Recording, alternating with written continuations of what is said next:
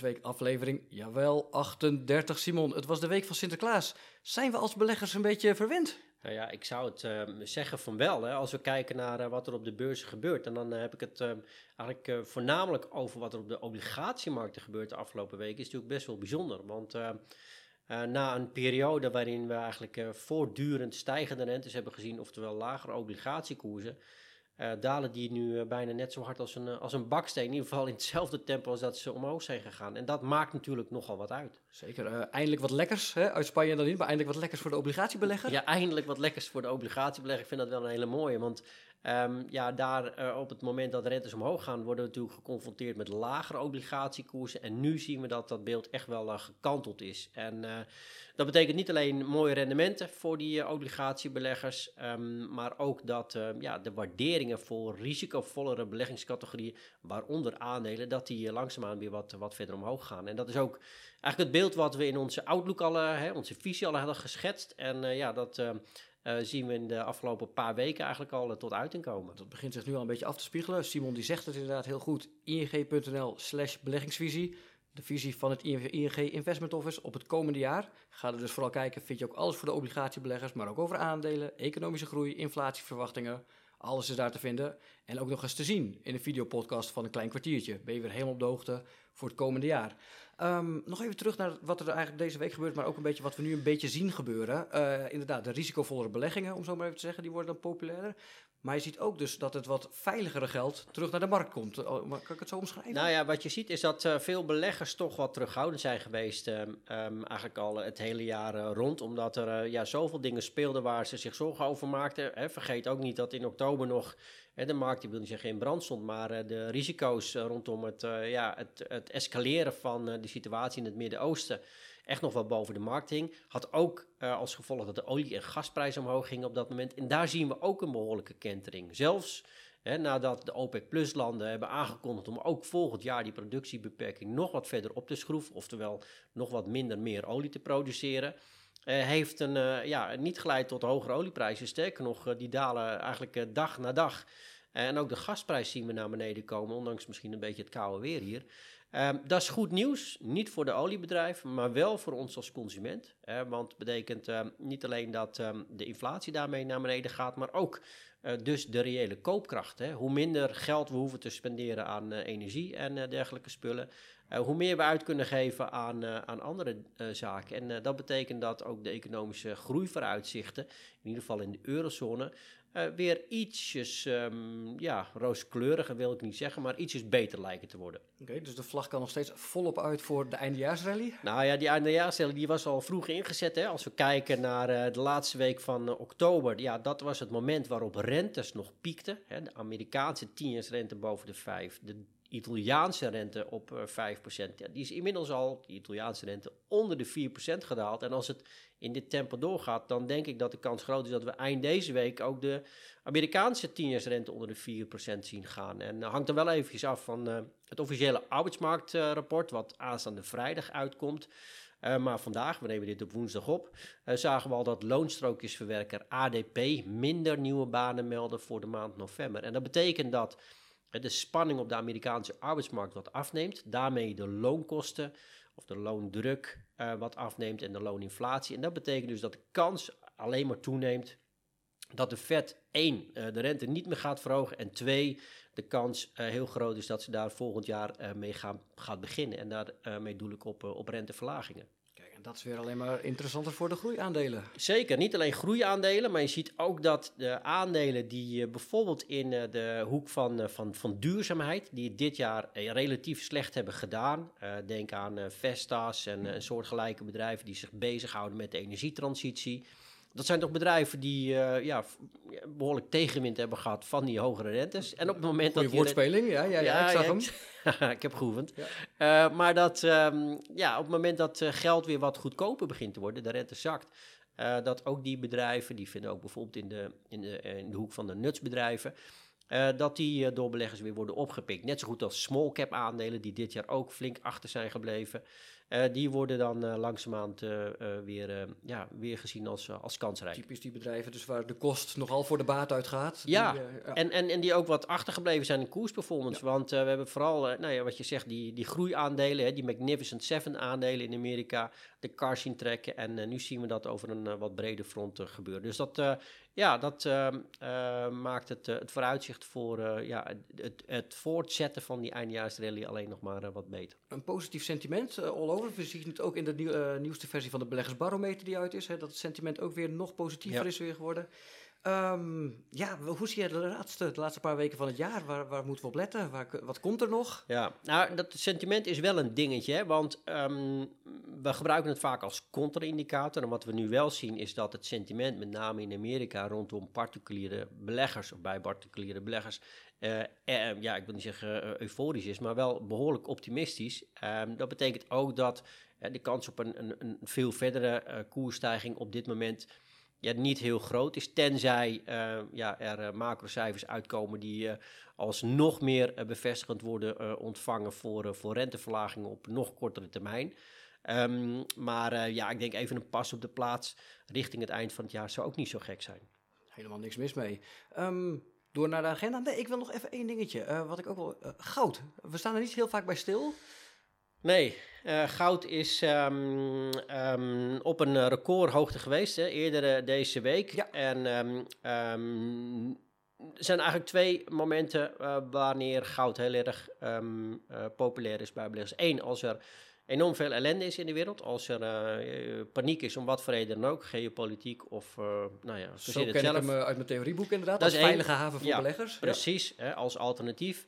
Uh, of op het moment dat de inflatie echt de pan uitgiert, hè, dan wordt goud ook vaak gezien als een, als een veilige haven. Nou, de inflatie die komt heel hard af. Hè, dat hebben we de afgelopen weken denk ik al verteld en gezien, de afgelopen maanden eigenlijk nog beter gezegd.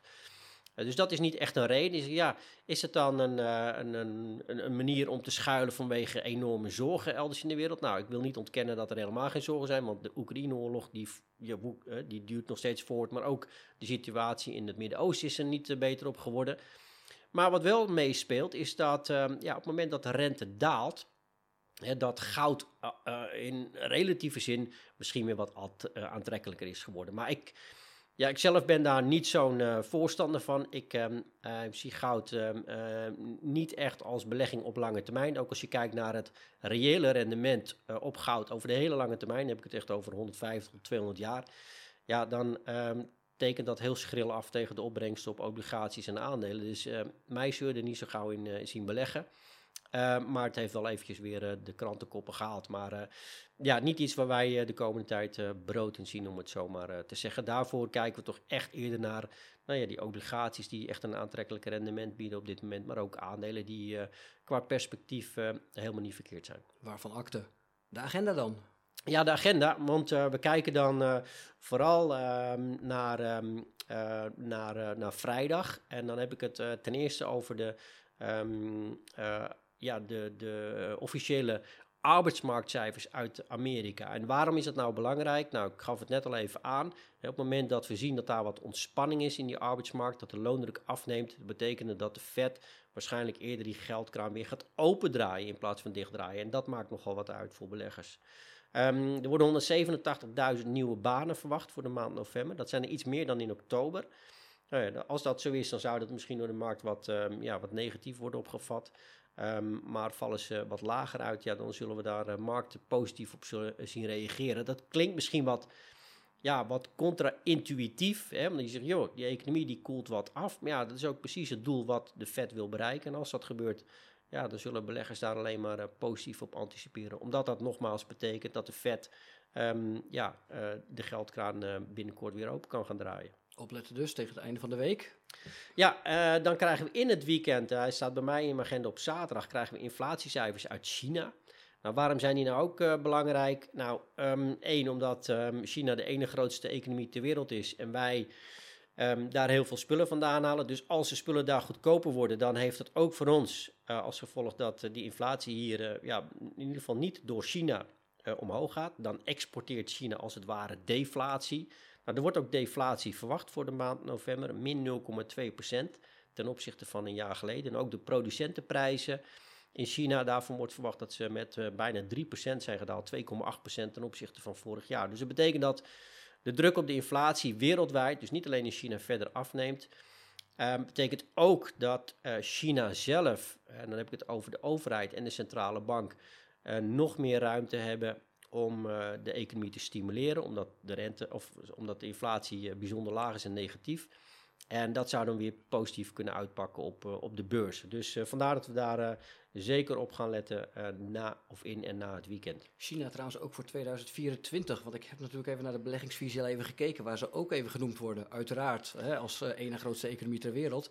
Met, um, mag ik zeggen, indrukwekkende, geprognosticeerde, geprognosticeerde, moet ik zeggen, geprognosticeerde groeicijfers. Ja, als we kijken naar de economische groei in China, en uh, dan is altijd uh, de opmerking van ja, hoe betrouwbaar zijn die cijfers? Ja. Maar met 5% economische groei hè, springen ze natuurlijk uh, met kop en schouders boven die van de ontwikkelde markten uit. Dat is helemaal waar. Ja. Um, we denken ook wel dat um, dat mogelijk kan zijn als we afgaan op de verwachtingen van onze collega's van ING Research. Uh, maar dan denk ik wel dat het noodzakelijk is dat die uh, eerder genoemde stimuleringsmaatregelen ook inderdaad verder worden aangezet met lagere rentes en wellicht wat fiscale stimuleringsmaatregelen, bijvoorbeeld om consumenten aan te zetten om elektrische auto's te kopen door middel van subsidies, et cetera. Um, en dat zou helpen ook uh, voor de rest van de wereld, want als China groeit, ja, dan profiteren we daar met z'n allen van mee. Zeker. Is dit ook um, indirect een dingetje dat je zegt, wie, China, wie China zegt, zegt Alibaba? Uh, hè, niet het meest gelukkige aandeel ook van de laatste tijd. Uh, oh, hè, tenminste, even, even geleden niet. Wel iets wat we op de radar hebben? Nou, kijk het naar uh, wat breder. Want niet alleen Alibaba, maar ook Tencent. Um, nou ja, en Baidu nog meer je, Baidu. ja. En, en wat meer uh, aan de beurs van Hongkong genoteerde grote Chinese um, ja, aandelen.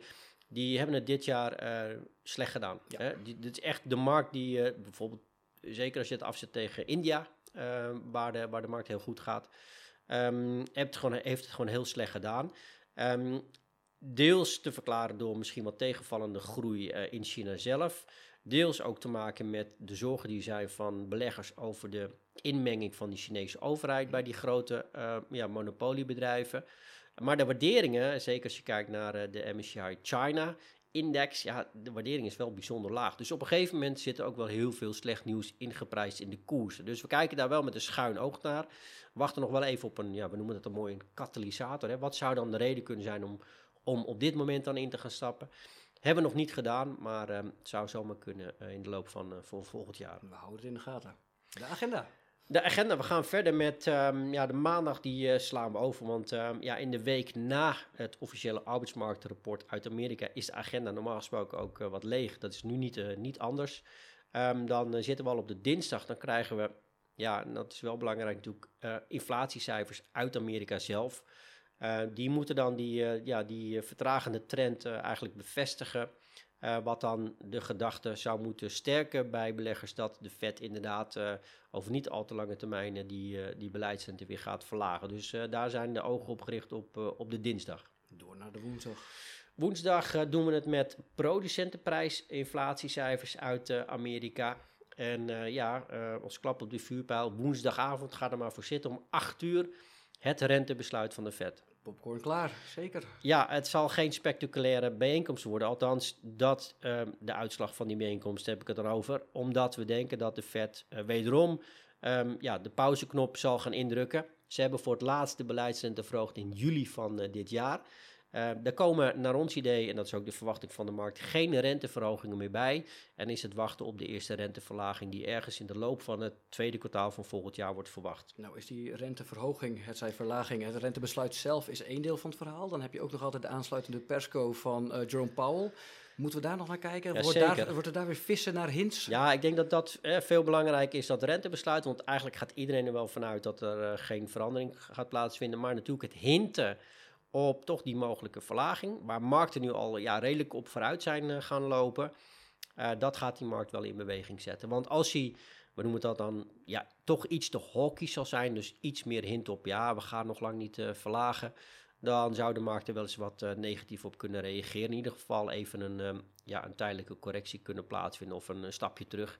Wat op zich ook weer niet heel onlogisch is na de rally van, van de afgelopen weken. Dus dat is ja, vooral inderdaad die aansluitende persconferentie van Powell met de toelichting uh, waar markten op zullen reageren. Opletten dus volgende week woensdag. Um, is dat ook meteen een beetje het hete hangijzer, het laatste hete hangijzer tot, uh, tot de, ja, tot de jaarwisseling? Nee, zeker niet, want we hebben ook donderdag nog de ECB. Kijk! Daar kunnen we natuurlijk niet zomaar aan voorbij gaan, want... Um, de afgelopen dagen zijn bestuursleden van de ECB uh, nadrukkelijk in het nieuws geweest. Toch eventjes Isabel Snabel noemen. Waarom? Nou, die mevrouw die uh, zit in het bestuur van, uh, van de ECB en die wordt normaal gezien als uh, toch wel een hawkish iemand. Oftewel, iemand die, die zich heel erg sterk maakt voor inflatiebestrijding en dus hogere rentes. Die heeft zich gisteren, en dan heb ik het dus over de dinsdag 5 december, wat doffies uitgelaten. Dus meer als een duifje. En wat bedoel ik daarmee is dat ze toch um, ja, het... Um, de inflatie eigenlijk wat sterker zag dalen dan, dan ze hadden verwacht. Uh, en eigenlijk geen reden ziet voor de ECB om de beleidsrente nog veel verder te verhogen. Nou, dat is denk ik niet verrassend, maar wel een bevestiging voor de markt dat de ECB ook klaar is met rente verhogen. En ja, dat brengt ons dus weer in een hele nieuwe dynamiek, zo aan het eind van het jaar, begin van het nieuwe jaar. Isabel, als je beluistert, dankjewel namens alle beleggers. Ja, zo is dat. Dank je. Uh, dan gaan we, zijn we dan nog op donderdag? Of? Ja, we zijn nog op de donderdag, want dan hebben we nog de um, winkelverkoopcijfers uit de VS. Nou, toch wel belangrijk, want daar zitten de verkopen rondom Thanksgiving in. Hè, dat weekend met uh, Black Friday, ja. met uh, Cyber Monday. Heb jij nog wat gekocht eigenlijk toen? Of? Ik zit even te denken. Heb je slag geslagen? Um, nee, ik, ik, ik heb het allemaal voorbij laten gaan. Ja, maar nee, ik hoop dat mijn vrouw wel heeft meegedaan. Ja, zo vast. En um, nee, de retail sales in, uh, in Amerika, um, toch belangrijk voor, um, ja, om een indicatie te krijgen over de, uh, de bestedingen van, uh, van de consumenten. we zien dat de groei in het vierde kwartaal in Amerika echt wel wat afzwakt ten opzichte van het derde kwartaal. dat was natuurlijk exceptioneel hoog met meer dan 5%. Uh, zitten nu volgens de schattingen van de Atlanta Fed net iets boven de 1% voor Q4, dus echt wel een vertraging. en dat verwachten we ook voor het eerste kwartaal van volgend jaar. Maar de mate waarin ja, daar ben ik nog niet helemaal zeker van. Dus um, zijn die retail sales misschien een goede indicator. Toch even opletten. De vrijdag. even een klein kuchje. Um, dan um, krijgen we cijfers uit China. Nou ja, belangrijk wederom, zoals net uitgelegd. Maar dan gaat het over de industriële productie, de winkelverkopen en uh, de investeringen. En uh, die uh, geven ons dan weer een indicatie hoe die Chinese economie er op dit moment voor staat. Dus ook weer belangrijk om naar te kijken. En dan sluiten we de week af, vrijdag met uh, inkoopmanagersindices. Dat zijn dan voorlopige cijfers voor de productiesector. En ja, we noemen dat heel mooi de composite index, de samengestelde index van zowel de diensten als de productiesector. En die geven ons, uh, ja, dat zijn een betrouwbare leidende indicator voor de economische groei in uh, de eurozone. En wellicht dat we daar uh, iets van een herstel gaan zien. Toch wel hele belangrijke macrocijfers uit de VS, uit China, uit Europa. Um, nog iets van het bedrijvenfront, een nabrander. Nike is altijd laat. Uh, wie zijn nog meer? Nee, ik heb eerlijk gezegd niet eens naar de agenda gekeken. Want Geen voor mij punt. is dat kwartaalcijferseizoen al, al voorbij en afgesloten. Uh, en blikken we vooral vooruit op nou ja, de rentebesluiten van zowel de Fed als de ECB. Um, en kijken hoe de markten daarop op reageren. Dus volgende week terug met een nieuwe show, hoop ik. Met, met toch nog wel wat, wat actie, denk ik. Lijkt me helemaal goed. Laten we dat doen. Simon, dankjewel voor deze week en tot volgende week. Tot volgende week.